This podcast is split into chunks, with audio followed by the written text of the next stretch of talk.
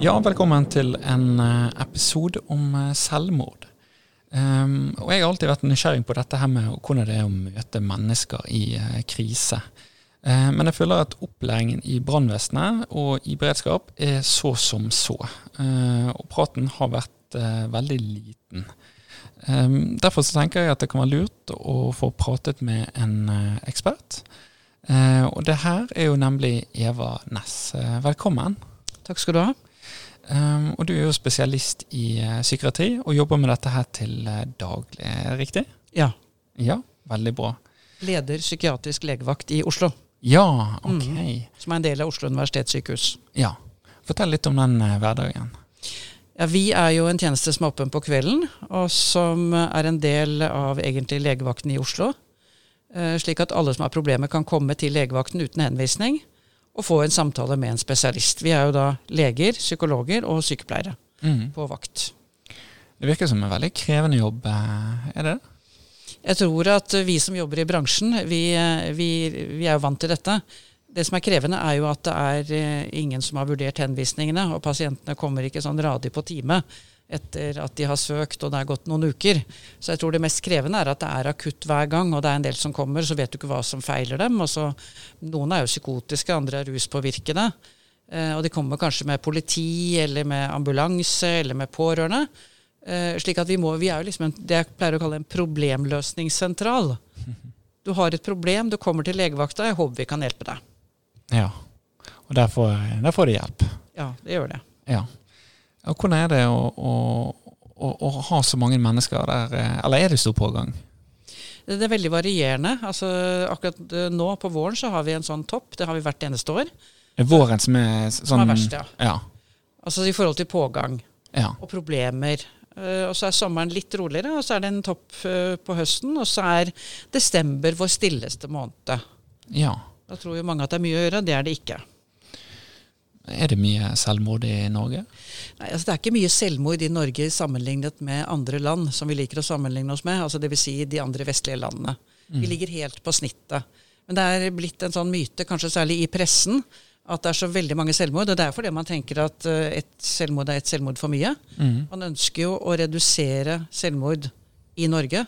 Og vi, vi jobber jo helt målrettet med å gjøre det. Mm. Men det er absolutt ikke mye selvmord i Norge. Nei.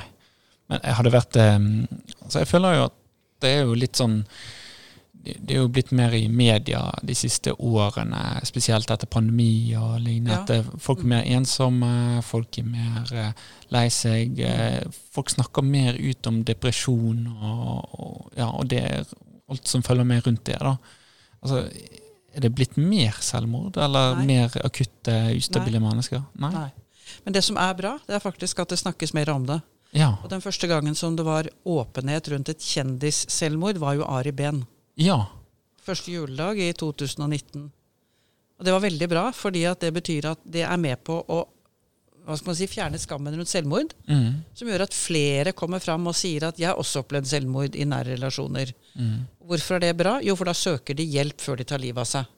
Det er mm. signaleffekten. Og nå går det en kampanje i avisene som heter Snakk om det, som er særlig rettet mot menn, for det er jo tre ganger så mange menn som kvinner som tar livet av seg i Norge. Mm. Så vi ønsker jo at flere skal søke helsehjelp. Fordi ganske mange av de som tar livet av seg, har en psykisk lidelse. Ikke alle, men ganske mange. Er det sånn at folk sliter med å snakke om det, eller? Ja, det tror jeg. For jeg tror at hvis du tenker deg selv hjemme i din familie eller rundt ditt familiebord, hvis noen plutselig sier jeg har selvmordstanker, da tror jeg alle de andre blir stille. Mm. Og ikke vet hva de skal si. Ja. Så, så, det er liksom så du, vet, du aner ikke altså Du blir helt sånn Ja, er dette noe som kommer til å skje nå? Hva kan jeg gjøre? Jeg lurer på om jeg kommer til å si noe galt. Altså Det handler jo om veldig veldig alvorlige ting. Det er for så vidt det samme som å si jeg har fått kreft, mm. eller jeg skal skilles. Altså Det er en veldig alvorlig ting å si, og folk vet ikke helt hva de skal si. Det er jo litt sånn i forkant av en veldig spesiell ting, da. Og det kan jo være litt sånn skambelagt. Det er jo å ta det steget og på en måte tørre å stå fram med det. Ja. Men det blir jo bedre. Men å ta det steget Det er jo ikke alle som tør å gjøre det. Nei, altså For at det skal bli bedre, så må de du forteller det til, møte deg med jeg håper å si, respekt og mm. empati. Så de må på en måte backe opp følelsene dine. Ja. Hvis de ikke gjør det, så føles det kanskje verre. Så du må bli møtt følelsesmessig. Det hjelper ikke bare å snakke om det. Du må også få en respons. Mm. Hva, hva kan denne responsen være? Ja, det kan være at hvis du tenker at det skjer Vi er jo proffe, så, så når vi treffer folk som Halvparten av de som kommer til oss, har et eller annet med selvmord. Ja, Selvmordstanker er veldig vanlig. det er det. Ja. 25% av studentene har hatt det siste året av internasjonale undersøkelser. Mm. Og da har de ikke hatt sånn 'jeg tenker på å ta livet av meg', men de har hatt sånn 'ja, hvis det blir for ille, så kan jeg kanskje ta livet av meg'. Altså varianter av å ha tanker om at jeg ikke orker mer. Så det er veldig vanlig å ha. Det er på en måte litt sånn trøstende. Mm. Eh, mens det å da faktisk få planer, det er veldig mye mer sjelden. Og det å faktisk gjøre det er ekstremt sjelden. Så eh, siden jeg jobber innenfor psykiatrien, da, så er det jo veldig veldig vanlig å ha selvmords... Vi kaller det problematikk. Mm. Eh, og så er det ganske uvanlig at pasientene tar livet av seg. Jeg tenker jo det er jo en del som eh, Altså, hva skal jeg si? Altså, det det blir litt sånn Spesielt disse studentene. Mm. De har vært inne og innelåst her i Oslo. Mm. Man går jo litt på veggen til slutt og får noen sånne tanker. Hva tenker du nå på sånn pandemiproblematikk? Ja, jeg føler det er liksom sånn Mye kan vi takke pandemien for, da. Men eh, Det er vist internasjonalt at det som skjedde da, eller når du blir nedstengt sånn som under pandemien, så er det ganske mange som får angst. angst, ja. Ja, Den øker kraftig. Mm. Og vi ser også nå på resultatene etter de som heter long covid, altså massevis av psykologiske problemer i etterkant Mm. av, av eh, covid-infeksjoner, så, så er ensomhet en viktig faktor. Mm. Men det fører ikke til at folk tar livet av seg. Selvmord økte ikke under pandemien. Nei. Det er viktig. Ja, for det, det, tror jeg er litt sånn en tanke at Ja. det, jeg, tror jeg trodde i hvert fall det at dette var noe som førte til at enda flere sleit Nei. psykisk. Men det er jo interessant å se at antall hjerteinfarkt gikk ned, antall slag gikk ned. Antall for tidlige fødsler gikk ned. Livet ble litt enklere. Det ble litt mindre mas i livet. Mm. Så selvmord er jo også en, en hva skal man si, sjelden endetilstand Mm. til noe psykologisk som er fryktelig vanskelig. Så det kan by på dilemmaer i livet. Og veldig mange av de som tar livet av seg, har en depresjon. Ja. Det er det viktigste, og det kan vi behandle. Mm. Hvordan behandler vi depresjon, da? Hvis det er en moderat depresjon, så er det det vi kaller samtaleterapi eller psykoterapi, og så er det jo antidepressiva. Er det en alvorlig depresjon, så er det innleggelse på sykehus, hvor det først og fremst er medikamenter. Ja. Ja. Men andre grunner til å ta livet av seg, bare for å ta det, det er jo kjærlighetssorg, altså brudd i en viktig relasjon. Da Mm. trenger du ikke ha noe psykisk lidelse.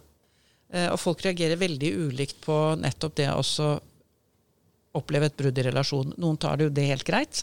Andre kommer jo ikke over det. Og noen tar livet av seg. Noen få.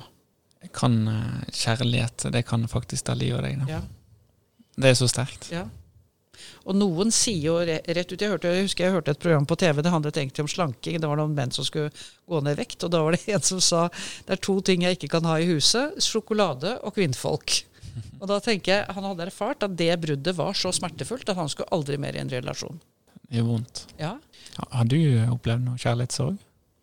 Ikke på det nivået. Nei. Jeg tror alle har opplevd det sånn i ungdomsperioden. Nå har jo jeg vært sammen med mannen min i over 40 år. Så, men jeg vil si at uh, ikke på en sånn måte at jeg tenkte at jeg var redd for å binde meg igjen. Mm.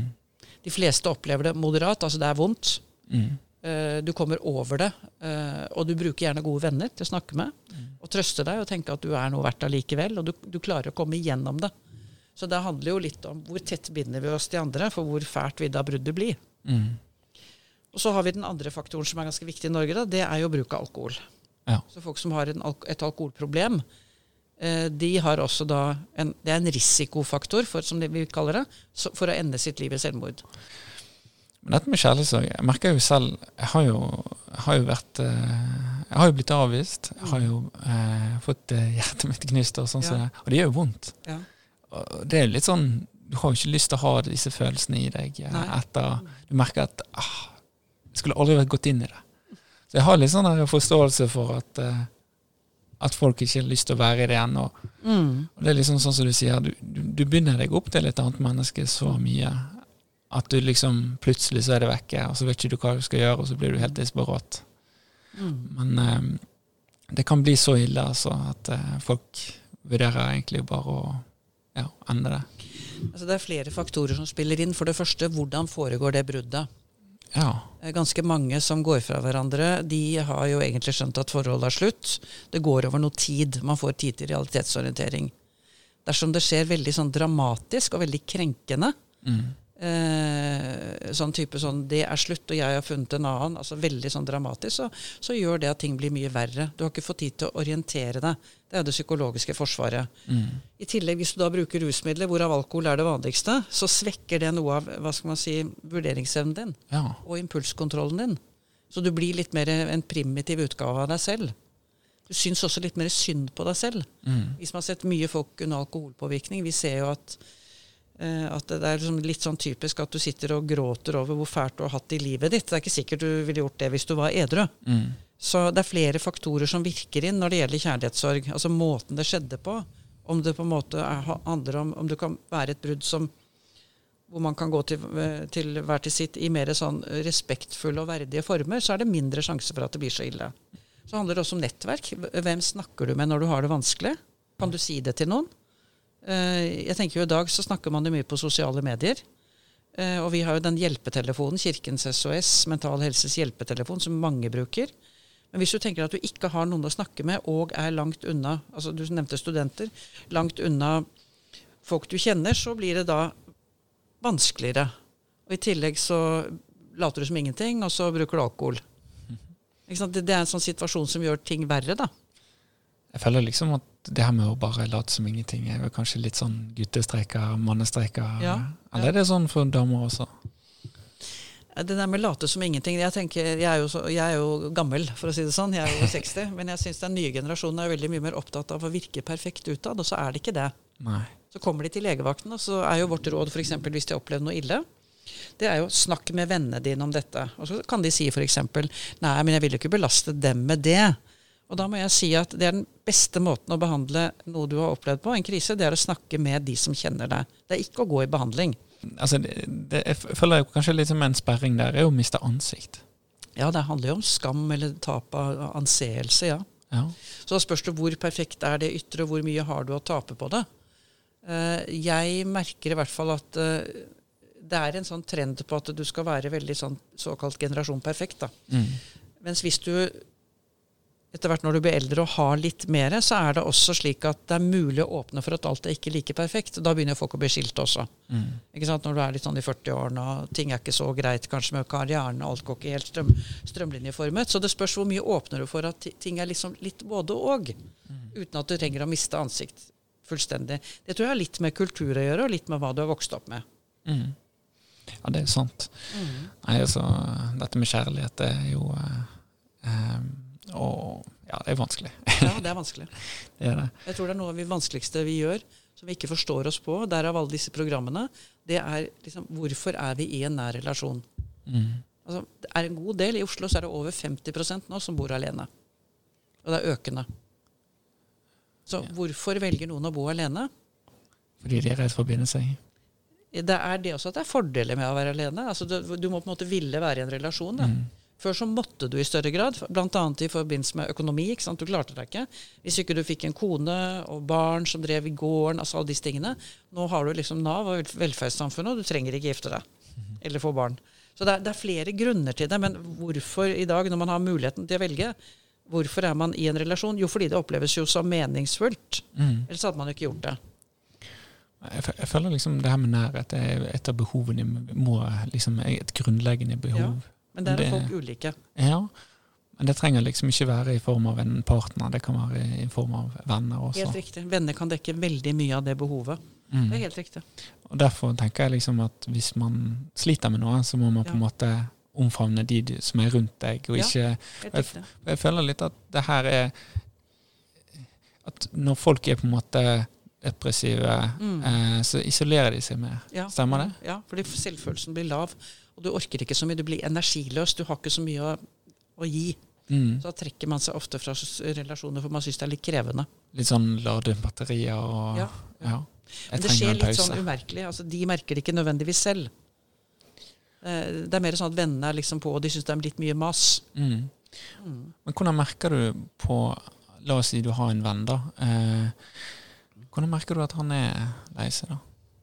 Ja, det er som jeg sier, at, at man er mindre med på ting. Det er litt vanskeligere å få vedkommende med på ting. Jeg er ikke så interessert i å være med. Mm. Ikke rett og slett mindre interessert i det dere hadde felles før. Mm. Eh, så, så, så tenker man sånn Ja, det har sikkert skjedd noe. Kanskje ja, det er brudd med kjæresten, eller det går dårlig på jobben, eller det er et eller annet som plager han, da. Mm. Ja, for jeg, jeg føler at det kan være sånn Ja, han er ikke seg sjøl, men du, det er ikke alltid du merker det. Nei, det er ikke det. Noen tar seg veldig mye sammen, det er helt riktig. Mm. Og det er litt tilbake til det at vi skal oppføre oss Eller være Ja. litt sånn Ja. Utad skal vi være perfekte, men Mm. så innerst inne så har Ja. vi det helt jævlig. Ja. Det, det er maske på, og vi skal vise verden at uh, her er alt fint, og så kommer vi hjem, og så har vi det egentlig jævlig. Mm. Stemmer det? Ja. Stemmer det igjen med noen av dine Stemmer pasienterfaringene. Selv har jeg ikke den erfaringen. Nei. Nei, ikke Ja, det ikke, det var ikke forrettet mot deg. Men ja, Absolutt. Ja. Um, ja, vi var litt inne på dette risikofaktorer knyttet Ja. til eh, Bare for å oppsummere, altså ikke for å oppsummere, men bare for å være litt punktlig. da, altså Ja. um, da var det kjærlighet, kjærlighetssorg, og så et tap av nære relasjoner. Ja. Og så har vi alkohol. Ja. Er det flere risikofaktorer som eh, Ja, det er jo, eh, det er jo altså, Tidligere selvmordsforsøk er, en, er den sterkeste risikofaktoren for å ende sitt liv i selvmord. Ja. Så hvis du har en gang gjort det, så Ja. er du Da er du faktisk på et spor. Ja. Ja. Og det spiller ingen rolle om det er 25 år siden. Ja. Men det er ganske få som faktisk har gjort et tidligere selvmordsforsøk. I, og det å stå f.eks. på et høyhus og tenke å gå oppe, det er ikke et selvmordsforsøk. Nei. Du må ha gjort noe. Du må på en måte Ja, du får, Det vanligste er jo å f.eks. ha tatt en overdose med tabletter. mm, Og da spør jo vi nøye om hva har du tatt, eh, hvor mye tok du, og ønsket du å dø. Og De fleste gjør jo kanskje dette i det vi kaller affekt, altså under en sånn stressituasjon. Krangler med kjæresten, låser seg inn på badet, tar det som er i skapet. Det er derfor vi i Norge nå bare har Paracet i tipakninger. Det er jo selvmordsforebygging. mm, For du tar det du har i skapet. Så da tar du noen Paracet og kanskje noe Vival og kanskje noe annet som ligger der. Mm. Det er ikke så veldig farlig, og så ringer kjæresten til 113. Kommer ambulansen. Du har tatt noe, men det er ikke en overdose som ville drept deg. Nei. Blir bare Noen skikkelig tar dårlig. veldig mye, og så blir de bare liggende og sove, og så våkner de 14 timer senere. Uff. Ja. Så du må faktisk ha gjort noe. Så er det noen som kutter seg. Da spør vi mye, hvor mye har du kuttet deg. Måtte du sy? Mm, Da er det som regel oftest bare overfladiske risp. mm. Det er ikke farlig. Nei. Så er det jo en del som skyter seg og ikke klarer å gjennomføre det. Og for så vidt også, det er vel veldig sjelden at folk gjør hengningsforsøk og ikke gjennomfører, men det skjer. Ja. Det å legge seg ut i, i skogen om vinteren f.eks. og nesten fryse i hjel, det har vi jo folk som gjør. Eller eventuelt bli funnet etter drukningsforsøk. Ja. Det er alvorlige selvmordsforsøk. Det vil si at de trenger behandling på, på somatisk avdeling på sykehus. ja. Nei, det er jo litt av noen metoder, eh, Mm. det. Du nevnte dette her med, med, med selvmordsforebygging. Avisene de skriver jo aldri om, eh, om selvmord, nesten. Altså, du, du hadde jo den. Ariben-effekten, ja. Mm. uh, som du nevnte tidligere, Mm. at det var noe som gjorde at folk begynte å snakke mer om Mm. disse ubehagelige følelsene. Men man ser jo også at um, Gjerne også at disse selvmordene som vi har vært ute på, eller disse forsøkene på uh, ja, at folk står på broene og sånn, så Mm. det, det er ikke sånn at de står i avisen noe særlig. Nei, og Grunnen til det er jo at uh, hvis man omtaler selvmordsmetode i media, Mm. så kan det føre til at flere bruker den metoden. Ja. Og det skjer av og til, sånn sannsynligvis uintendert, også gjennom sosiale medier. Uh, At det publiseres noe om at noen har gjort sånn og sånn. og Da ser man en oppblomstring i, den, i bruk av akkurat den metoden. Mm. Derfor så fikk du ikke vite hvordan Ari Behn tok livet av seg. Nei. Men det at de skriver om selvmordet, det er viktig i forhold til at flere tør å snakke om det og tør å be om hjelp. Det blir mer legitimt Ja. når, eh, når det kommer i pressen. Men dette er jo samarbeid mellom helsevesenet og pressen som er sånn kontinuerlig rundt akkurat det hva, man, hva kan man skrive. Mm. Og før så skrev man veldig mye mindre enn det man gjør nå. Ok, så det Man har det er blitt mer åpenhet, men ikke på metode. Nei. Ja, for jeg så det var eh, For noen år siden så var det, var det en serie som het 13 Reasons Why. Ja, jeg hadde, ser så den første si, Hva heter den første bolken? Første Sesongen. sesongen. Ja. Og jeg følte jo at uh, der ble det litt sånn uh, Ja, det er mye følelser på meg, men jeg, Ja. jeg, jeg, jeg, trodde jo kanskje det her kunne bidra til at det ble en oppblomstring av den type bruk, Ja. da. Ja. Men hvordan er opplevelsen Altså, du så jo den Jeg så den mest fordi den ble så veldig omtalt. Jeg syns serien var eh, ganske sånn urealistisk. Altså det, var, det ble gjort så mange slemme ting mot den hovedpersonen at jeg tenker at dette er totalt urealistisk. Eh, og så var det jo også, dem, så vidt jeg husker, jeg husker jo ikke i detalj, ganske sånn demonstrert hvordan man kunne gjøre det. mm. Det Jeg husker ikke om, det, om antall selvmord steg, Nei. eh, men de fulgte i hvert fall med på det. Mm. Ja, for det var litt eh, Det var jo ganske brutalt. eh, Ja, jeg syns det. ja. Helt unødvendig, spør du meg. Ja, jeg er helt enig. Altså, Mm. det hadde ikke mm. Jeg skjønner ikke poenget. Nei, helt riktig. Jeg er enig. Det blir så rart å, Mm. på en måte vise det. Man vet jo Mm. Man vet jo hva som skjer. Man vet jo at hun skulle Mm. gjøre det. Men mer enn det ikke nødvendig. Og så er det liksom så stort. Jeg tenker at det er for å tjene penger. Altså Ja. dette er fordi at Selvmord er myteomspunnet, det er tabubelagt, det er noe veldig veldig drastisk nå. Du mister jo faktisk livet. Eh, samtidig så er det en gans, ganske ofte at vi ikke skjønner hvorfor en person tar livet av seg. Vi skjønner det ikke. Mm. Og når, tilbake litt til de som da står på broen, og dere blir utkalt til, så er det sånn, det er jo i full offentlighet. Hvis noen set, steller seg på Operataket eller går på Oslo S, så er det alltid noen som ringer ambulanse, politi, eventuelt brann. Mm. Eh, slik at da kommer jo publikum til Dette er jo personer som ønsker en eller annen form for hjelp.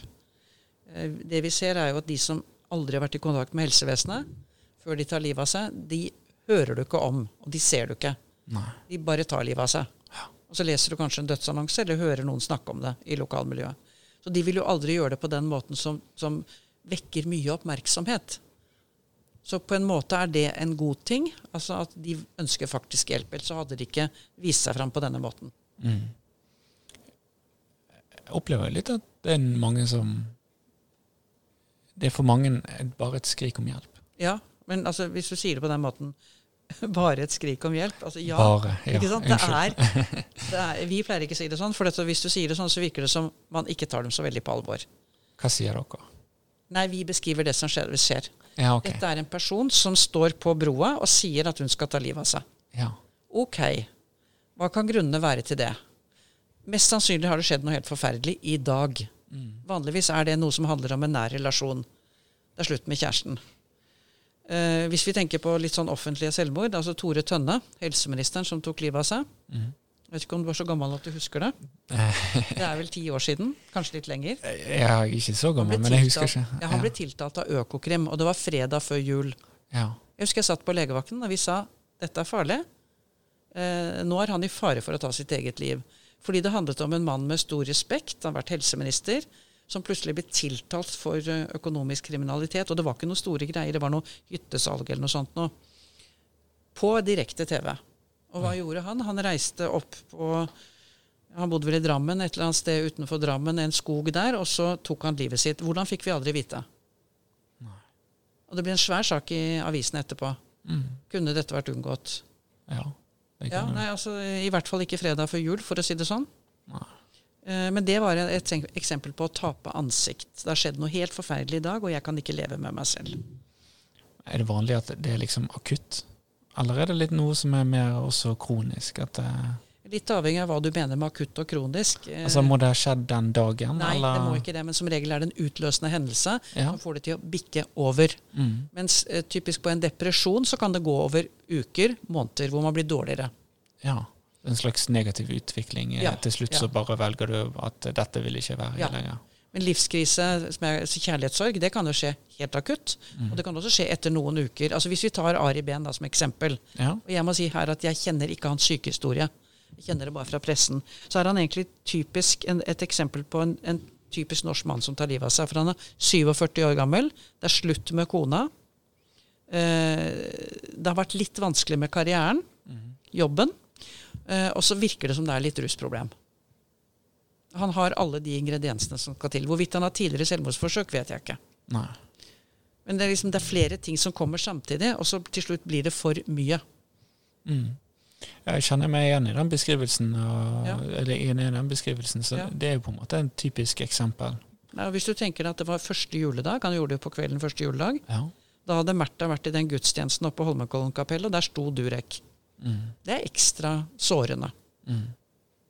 Så for han å føle seg, hva skal man si, han er allerede erstattet. Det må være tungt. Ja, helt forferdelig. Ja. Så, sånn at det er forskjellige omstendigheter, og så er vi i ulike grader av robuste mot dette. Jeg vet jo ikke om han så den gudstjenesten, men jeg tipper han gjorde det. Han burde jo ikke sett den. Nei. Altså Hvis du ser det sånn. Altså det, er, det er eh, omstendighetene rundt dette som gjør det vanskelig. Så var jo han en så stor og kjent person at det ble på Ja. en måte Ja. det med ansikt igjen, da. Ja, ja, ja. Mm. Uh, ja, nei, det, det, er jo, det er jo et veldig spesielt eksempel, men Mm. det er jo et, gjerne et typisk eksempel, sånn jeg også Mm. forstår det, da. Men um, det her med ja, altså disse depresjonene, da. Altså Mm. Hvis du har vært lei deg over tid, er det noe varsel Altså, De nærmeste pleier å reagere. ja. Og hvis, det blir for, jeg hvis du blir for syk, så pleier de å ta deg med til legen eller legevakt. Ja. Det er det vi opplever. Og i dag er det en god helsetjeneste i Norge. Mm. Det er lett å komme til psykiatrisk behandling. Det er noe som heter akutte ambulante team, som man bare kan ringe og få time på dagen. Mm. I Oslo har du legevakten, ikke sant. Så det er ikke vanskelig å få hjelp. Det er mange som tror også, sånn som det var før, så er det ikke vanskelig å få hjelp. Du bare ringer, så Ja, eller dukker opp på legevakten. Ja. Og det er bra at folk søker hjelp. Ja, Mm. absolutt. Ja. Jeg er helt enig. Dere, du sa at dere, hadde mest altså, dere fikk mest besøk da av disse her som er kronisk Altså, Vi har de har langvarig. Vi har ja. både akutte, altså det har skjedd noe. Når fikk du selvmordstanker? Jo, da kona sa hun ville skilles. Mm. Det er det akutte. Kroniske, hatt det hele livet. Mm. Varierer litt sånn ettersom hvor ille du har det med deg selv. Så det er liksom to helt forskjellige. Det er det vi ofte kaller personlighetsforstyrrede. Mm. Noen har uh, traumatiserte oppvekster. Det som ofte kalles PTSD. Mm. Så de kan ha forskjellige varianter av bakgrunn. Men mange av de som har kroniske selvmordstanker, har ofte hatt det veldig vanskelig i oppveksten. Jeg slet og fått en påkjenning i løpet av livet som de sliter for. Gått altså, i en altså, dårlig livets skole, pleier jeg å si. ja. Ja. Ikke vært helt så heldig. Nei. Og da må du gå i langvarig behandling, Mm. altså psykoterapi som vi kaller det, over flere år. Og det har gode resultater. Er, det, er folk flinke til å bli på det programmet? Nei, De er jo litt sånn ustabile. så Når det går bra, så, så de, er de ikke så motiverte. Og så går det dårlig, så kommer de tilbake. sånn at det er det å møte opp eh, regelmessig som er vanskelig. Mm. Det å snakke om dine egne problemer. Noen sier jo ingenting. Eller forteller ikke det som er viktig. Da blir du heller ikke bedre. Så må vi snakke om det som er vanskelig i behandling. Du må lære å hjelpe deg sjøl. Ja. Men du nevnte jo litt det her. Disse her eh, tidligere traumatiske opplevelsene, disse Mm. PTSD og alt det, det er også en risikofaktor. Tidligere Ja. hendelser. Så du har flere. Eh, så, så du har brudd, du har eh, alkohol, du har eh, Depresjon. depresjon og så PTSD, da, som eh, Ja, eller tidligere selvmordsforsøk. Tidligere det, det er den sterkeste risikofaktoren. Og så har du masse andre faktorer som jeg ikke pleier å ta med, for det er ikke så hva skal man si, relevante for folk flest, men alvorlig somatisk sykdom. mm, Kreft. Ja. Det som heter ALS, en sånn ryggmargssykdom, ja. hvor du blir gradvis lammet. Det kan også være alvorlige andre typer sykdommer hvor, som du tenker at dette overlever jeg ikke. Mm. Det kan føre til at folk tar livet av seg. Men så er det jo sånn at vi brannfolk, vi, vi, eh, vi er jo veldig Altså, vi, vi er jo ikke så ofte på dette, men det hender jo iblant, en gang Mm. iblant at vi, vi drar ut på en bro. Vi drar eh, Vi henter noen som har hoppet i sjøen. Vi tar og henter noen som er på taket og sånn som det der. Og fokuset er jo alltid her å, å redde folk. Vi skal redde de. Det er vår oppgave. Men jeg har alltid lurt på hva skal man si til mennesker som står i disse hendelsene? Fordi, ja, la oss si det, du er deltidsbrannmann. Det er lenge til politiet kommer. Ja. Ambulansen er kanskje opptatt. Mm. Og så skal du stå der og skal møte et menneske i sin verste krise, i livets verste krise. Og så skal du snakke med han. Du kjenner ikke han. Du vet ikke noe om hendelsen. Her er et litt vanskelig spørsmål til deg, men altså Mm. Hvordan møter man de egentlig? Først vil jeg jo si at dette har jo ikke jeg gjort i praksis, for jeg reiser ikke ut. Eller vi reiser ikke ut. Eh, og så er det jo den politiets gisselforhandlingsgruppe som har spesialisert seg akkurat på disse sakene. Jeg tror de sa at ganske mange av de sakene de har, handler om akkurat dette. Altså Mm. en eller annen person som står et eller annet sted, skal hoppe, altså ta livet av seg, og som de forhandler ut av situasjonen. Eh, men da vil jeg tenke, hva ville jeg gjort hvis jeg, hvis jeg si, kom forbi en slik situasjon og var nødt til å steppe inn? Eh, det handler veldig mye om å, å hva skal man si, få kontakt. Eh, Ikke være redd for å ta kontakt. ikke være redd for å ta kontakt, og stille et spørsmål som inviterer den andre inn. Ja. Hva kan det være? det kan f.eks. være sånn Har du lyst til å snakke med meg? Mm. Hva har skjedd i dag? Hvorfor er du her? Eller hva Hvorfor er du her? Ja. Altså, liksom som, er, som er litt sånn interessert, litt spørrende. Og få de til å prate? Ja, få kontakt. Det handler handler bare om å få kontakt. Eh, jeg tror at ganske mange av de som står der ute, er interessert i kontakt. Er egentlig interessert i å prate. For hvis ikke, så hadde de allerede hoppet, kanskje? Da hadde de kanskje stukket seg bort. De hadde i hvert fall ikke stått på et sted som samlet interesse. Ja. Veldig mange så står de, i hvert fall sånn i Oslo, så står de steder hvor det er andre mennesker. ja. Det kan hende at det er Oslo S, eller kan hende det er Operataket, eller et eller annet sted hvor andre ser dem. Mm. Og da er jo tanken at andre skal bli opptatt av dem, og de får oppmerksomhet. De du ikke ser, de får du jo ikke kontakt med. Nei. Så jeg tenker at de ønsker kontakt. Hvis de er veldig ruspåvirket, så er det vanskelig å få kontakt. Det kan være litt skummelt. Ja, Men det er ikke sånn at du kan si noe galt. Nei. Altså, Hvis ikke du anklager dem for noe. Så man, man kan jo tenke seg at man ville sagt sånn Nå må du se å komme deg ned fra Ikke sant? Skjerp deg. Ja. Litt sånn, jeg, jeg tror ikke det virker. Nei. Det tror jeg ikke. Du må møte dem som et menneske. Ja. Du må jo rett og slett prøve å få kontakt. Og hvordan får du kontakt med noen som er fortvilet? Mm. Og må stille spørsmål som gjør at de kan ha anledning til å svare, og som viser at du er interessert. Sånn som du sa. Har det skjedd noe i dag? Eh, er det noe jeg kan hjelpe deg med? Eh, har du lyst til å snakke med meg? Altså, du må på en eller annen måte initiere en kontakt. Og så, når du har opprettet denne kontakten da Så må du bruke den til noe fornuftig. Ja. Og, da, og hva hvis de sier 'jeg skal ta livet av meg sjøl'? Ja, hvorfor det, da? Hvorfor det, da? Ja. Og så må de begynne å fortelle. Ja. Og da har du de Ja, sånn du liksom, og du må vise, vise interesse. Du må stille genuine spørsmål. Ja, du må vise interesse. Det merker de med en gang. Om du er interessert eller ikke. Men er det liksom noen Hvis du stiller spørsmålet, da altså, At du ikke blir på en måte altså, Dytter de en vei der de blir på en måte mer følelsesladet? Jeg tror det nesten ikke er mulig. Ok. Eh, det tror jeg ikke. En ting som jeg ser at vi ikke gjør, som jeg ser av og til publikum gjør, det er å fortelle f.eks. til en person jeg, ser, 'Jeg forstår at du har det vanskelig'. Det er egentlig litt sårende. Jeg ville mer spurt 'Hvordan har du det?' og latt vedkommende svare på Mm. hvordan de hadde det. Så når du liksom legger følelser på andre Man kan være veldig sånn fylt av alle mulige rare følelser, og det vet du egentlig ikke. De kan være sinte, rasende på et eller annet. Eksen, eller hvem vet. De kan være lei seg, men de kan også være helt fullstendig følelseskaos eller helt tomme. 'Jeg har ingen følelser. Ingenting betyr noe mer'. Mm. Så vi vet egentlig ikke hva som foregår inni dem. Så jeg, jeg tenker at vårt håp er jo å få kontakt. Og hvis vi får kontakt, så er det mye lettere å snakke dem ned fra handlingen. Mm. Det er noe av eh, liksom, utfordringen her. Ikke være så redde for at det jeg sier skal komme til å føre til at de hopper. Det har jeg jo aldri hørt om for øvrig. Nei, ikke jeg heller. Nei, Så, de, så de, jeg tror de ønsker kontakt. Men de er desperate og fortvilte, og av og til er de ruspåvirket.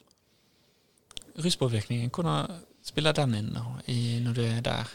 Nei, Det er jo forskjell. altså Veldig mange av de som tar livet av seg, mer enn mm. halvparten, har brukt rusmidler før de gjør det. Er ruspåvirket. Men de trenger ikke være veldig ruspåvirket. Ja. Altså drikke seg til mot, for å si det sånn. Men hvis du, så har vi de som drikker så mye at de, når de har en høy promille, så gjør de ting de aldri ville gjort i edru tilstand. F.eks. et alvorlig selvmordsforsøk. Og når de da blir edru, så husker de ikke hva de har gjort. Det er jo farlig. Det er farlig. Ja. Sånn at hvis de har så høy promille at du ikke Du får egentlig ikke noe kontakt. Men igjen, dette er ikke situasjoner jeg har vært i. For jeg, hos oss så kommer de med politi eller ambulanse til legevakten. Og da spør vi alltid har du lyst til å snakke med oss. Eller med meg. Og hva sier de da? Vanligvis så sier de ja, men en sjelden gang hvis de kommer med politiet, så, så sier de litt sånn eh, 'Jeg trodde jeg måtte det.' Så sier vi nei, det må du ikke. Nei, for det er ikke noe sånn tvunget helse... Nei, det er ikke det.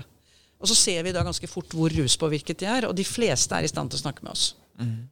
Heldigvis. Og hvis de er så ruspåvirket at de ikke kan snakke, så kan de ligge på legevakten en time, to, tre, inntil de kan snakke med oss. Men det må jo være frivillig. Mm. Men jeg vil tro at de fleste som klatrer opp, og som dere kommer i kontakt med, er, er, ikke er så ruspåvirket at de ikke greier å, å si, klatre opp. da.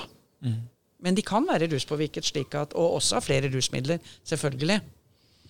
Så man må egentlig tørre å drive litt sånn psykologisk førstehjelp, da, for det er jo det det er. Ja, absolutt. Ja. Det er jo det som er på en måte mesteparten av førstehjelpen vi gjør, det er jo å prate. Ja, Prate. Ja. Ikke være så redd for å prate. Men hva gjør vi når de truer? Ja, Hva tror Nå. du med da? Ja, nå skal jeg ta livet av meg sjøl. Ja, Hvorfor det, da? Ville jeg sagt. Interessert. Fordi jeg eh, har slått opp med damen. Ja. Da må jeg si noe støttende. Ja. Det hørtes veldig trist ut. Og det må jeg si med, over, med, inn, med innlevelse. Med innlevelse. Og Ja. da sier jeg jeg vil ikke, jeg klarer ikke mer. Det er bare helt jævlig. Uff, det var leit å høre. Mm. Og så bare litt mer innlevelse, da. Ja, ja altså du må, du må si noe positivt tilbake, og det gjør ikke typisk nordmenn. Når noen sier at noe er trist og fælt, f.eks. 'jeg blir skilt', eller 'kona er slått opp', eller, så, sier, så sier man ofte ingenting. Så det å være litt støttende, det er direkte her, Det hjelper. Da blir personen bedre. Eller pasienten. Men jeg føler liksom en vanlig taktikk blir jo på en måte å, å si litt sånn Tenk på barna dine. Tenk på damen din. Hva ville hun sagt nå når dette skjer? Jeg vet Ja. at det her er litt vanskelig, men ja. Du gir dem på en Eh, måte må- litt sånn da må- skyld, da. Ja, da må du vite for det første om de har barn, for da må du vite litt mer om dem. Ja. Ja, Men la oss sånn. si det. Jeg sier jeg skal ta livet med meg sjøl. Ja. Mm, Kjæresten min har dumpet meg. ja. Og så sier du til meg Hva ville hun sagt hvis du hadde tatt livet av deg sjøl? Jeg pleier ikke gjøre det sånn, for jeg tenker at det er litt sånn du sier, litt skyldinduserende. Ja. Men hvis de har små barn, og det kommer fram, så sier jeg at barna dine vil komme til å huske dette resten av livet. Mm. For det er sant. Så faktisk er det sånn at har du små barn, så beskytter det mot selvmord. Det er ganske mange som sier spontant 'jeg vil ikke gjøre det pga. barna mine'. ja. Så det er faktisk beskyttende. Må leve for barna dine. Det er et traume som de kommer til å ha med seg resten av livet. Mm. Mm. Men personen er i en så kritisk tilstand at de klarer som regel ikke å tenke på andre. Så jeg tenker at vårt håp er å få den tilstanden til å bli litt mer eh, utholdelig. At de klarer å holde ut, rett og slett. At den blir ikke så svart som det de tror den er. Mm. Og, og hvor står det med denne, dette mennesket? Det må være skikkelig Mm. tungt å Ja. bare stå i disse følelsene, og du er gjerne aleine, eller du er den som prater. Mm. Men dette er jo en spesialoppgave for gisselforhandlingsenheten. Hvis det er litt sånn der står på broa, skal hoppe. Men på legevakta når de kommer til oss, da, Mm. de som har det sånn hele tiden og er ustabile, som svinger veldig fort og sier at nå, skal nå tar jeg livet av meg, de vil jo gjerne oppnå noe. Mm. Og hva vil de vanligvis oppnå? De vil gjerne legges inn på sykehus. Okay. Eller så vil de av og til en sjelden gang ha vanedannende medikamenter. Så de vil noen ting. Og da blir det litt mer sånn eh, Dette er jo vi kjent med, sånn at da må vi finne ut liksom, eh, får du, Hva er det som plager deg? Hvorfor har dette skjedd? Har du drukket noe i dag? Har du gjort tidligere selvmordsforsøk? Og går du i behandling? For det viktigste er jo for å behandle den tilstanden, er å gå i behandling på dagtid. Det er ikke så veldig mye vi kan gjøre akutt. Det eneste vi kan gjøre, er det vi kaller for liksom, krisebehandling. De faller fort ned i det jeg kaller det sorte hullet, og så gjelder det å få dem opp av det sorte hullet. Og det gjør vi egentlig ved trøst. Vi trøster dem. Huff, det må være fælt å ha det sånn. Stakkars deg. Har du noen du kan være hos i natt? Har du en venninne du kan bo hos? Har du noen som kan, du kan snakke med? Altså den type ting. Så det er det som slår inn, og som hjelper. Det er ikke innleggelse på sykehus. Nei, for det kan gjøre vondt. Da blir de ofte skrevet ut dagen etter. Dette er jo pasienter som eh, mange legevakter har problemer med. eh, Og som gjør at akuttavdelingene skriver dem ut dagen etter, og så er de akkurat like langt og føler seg hva skal man si, dårlig behandla. Så i Oslo har jo vi sluttet å legge dem inn på sykehus. Dere sender de hjem med til Altså, de, får De dere får. i behandling. De fleste går i behandling, og skulle de mot formodning ikke gjøre det, så søker vi dem til behandling. mm. De, vi sitter egentlig og snakker med dem til de kommer ut av denne krisen. Eh, en av de episodene som er på den podkasten som gisselforhandlerne har laget, handler jo akkurat om det. Ja. Om en jente som sitter inne på et kjøpesenter og kutter seg opp og ikke vil si hvor hun er. Og når jeg hørte den, så er det veldig mye den samme måten vi jobber på. Hvordan det? Jeg har ikke hørt den episoden. Nei, den, jo, altså den er jo ganske lang, men den handler jo om å få tillit til at vi kan hjelpe deg. Og etter hvert så åpner de døra, og hun får hjelp. Og så er det intervju med henne flere år etter hvor hun sier at 'jeg har det helt annerledes nå'. 'Jeg har jo fått behandling, jeg har det mye bedre'. Mm. Det er egentlig ikke være så veldig redd for at pasienten skal ta livet av deg, for det, det er ikke ditt ansvar. Nei. Disse pasientene er ikke psykotiske, som vi sier. Hvis du er psykotisk, ikke aner hva du gjør, eventuelt er dement, det er en annen versjon av å ikke ane hva du gjør, så er det jo en helt annen uh, kategori. Og de gjør ikke sånt noe. Nei. Så de pasientene som du snakker om, det er jo pasienter som vet hva de gjør, men de er i sine følelsers vold. Ja. Og vi må hjelpe dem å få de følelsene på plass igjen. De er litt sånn, handler i affekt og er ja. litt sånn ja, altså Klarer ikke å styre. Ja. ja. Og De følelsene de rammer jo også oss som er vanlige mennesker og som ikke er vant til å ha det sånn hjemme. Mm. Vi er ikke vant til å ha så sterke følelser, de fleste av oss. Så vi syns det er ubehagelig. Mm. Og det handler om å stå i sterke følelser uten å handle på dem. Og på en måte få de følelsene til å roe seg. Beholde roen. Beholde roen. Jeg tenker jo at Brannmenn er jo flinke til det. Det er dere trent til. Beholde roen. Gjøre de riktige tingene. Trøste. Hva har skjedd i dag? Stakkars deg. Uff, det var fælt leit å høre. Får du behandling, ja, da syns jeg du skal gå dit. Jeg tenker jo sånn som du sier, altså sånn som hun eh, inne på kjøpesenteret. Ja. Og det du trekker frem her. Det handler jo om å bygge en relasjon. Ja, det gjør det. Mm. Og på en måte bli litt kjent. Altså, mm. Sånn jeg ser det, da. Mm. Hvis du er en på først, førstemann ved pasienten, da. Mm. At du tar faktisk og prøver å skape et forhold til Ja. den du er, og klarer å stå i det. Og trøste den som et menneske. Mm. En, en, en men, altså, være et menneske. Mm. Menneskelig opp mot den. Ja. Det høres ikke så vanskelig ut, egentlig. Altså, jeg synes det er, noen, det er noen gode TV-programmer som man kan se på. Det ene er det der om tollvesenet. Ja. Og det andre er det der med Veiens helter, det er fra Vestlandet. Ja. Trøndelag. Begge de to, og for så vidt også det der i Nattpatruljen. Ja. Det de demonstrerer, er at nordmenn er ganske flinke til å ha et sånn litt sånn jovialt, litt sånn eh, hva skal man si, kameratslig forhold til alle. Mm. Vi er ganske lite formelle. Det spiller egentlig ingen rolle. Vi har ikke klassesamfunn. Så jeg, jeg har sett på alle disse tolvprogrammene og sett hvor utrolig gode de er til å snakke med folk som er i krise. For hver eneste gang det kommer en toller, så er det jo problemer. Mm. Allikevel så har de en veldig rolig tone, og de liksom er veldig hyggelige med folk. Og det har vi litt å lære av, tenker jeg. Altså at, at uh, det er en krise, men vi tar det helt rolig allikevel. Eller når traileren har kjørt av veien, og det kommer, ikke sant, så skal hjelpe deg. Da gjør vi det sånn, sånn, liksom. Altså den derre roen, å være sånn som om ingenting har skjedd, den tenker jeg er veldig viktig. Skal Lære å snakke med folk. Ja. Nordmenn er ikke så veldig gode til smalltalk. Snakke med fremmede. Snakke med folk på busstoppet. Ja. Eh, og kafeen og på gata rundt omkring. Måte Du treffer nå en, en fremmed person som er i krise, og så skal du etablere en kontakt. Det er mye vanskeligere enn hvis du treffer en fremmed person som ikke er i krise. Så, sånn at det å snakke litt med fremmede Og det, de som jobber på toll, de sier jo helt åpent de elsker å snakke med folk. Det er en av grunnene til at de jobber der. Mm. Så hvis du er den personen som er litt utadvendt og lett snakker med folk, så er nok dette mye lettere. Og så må du ikke tenke at jeg håper jeg ikke sier noe feil, for da kan det skje noe helt forferdelig. For det er ikke din skyld. Du skal bare hjelpe.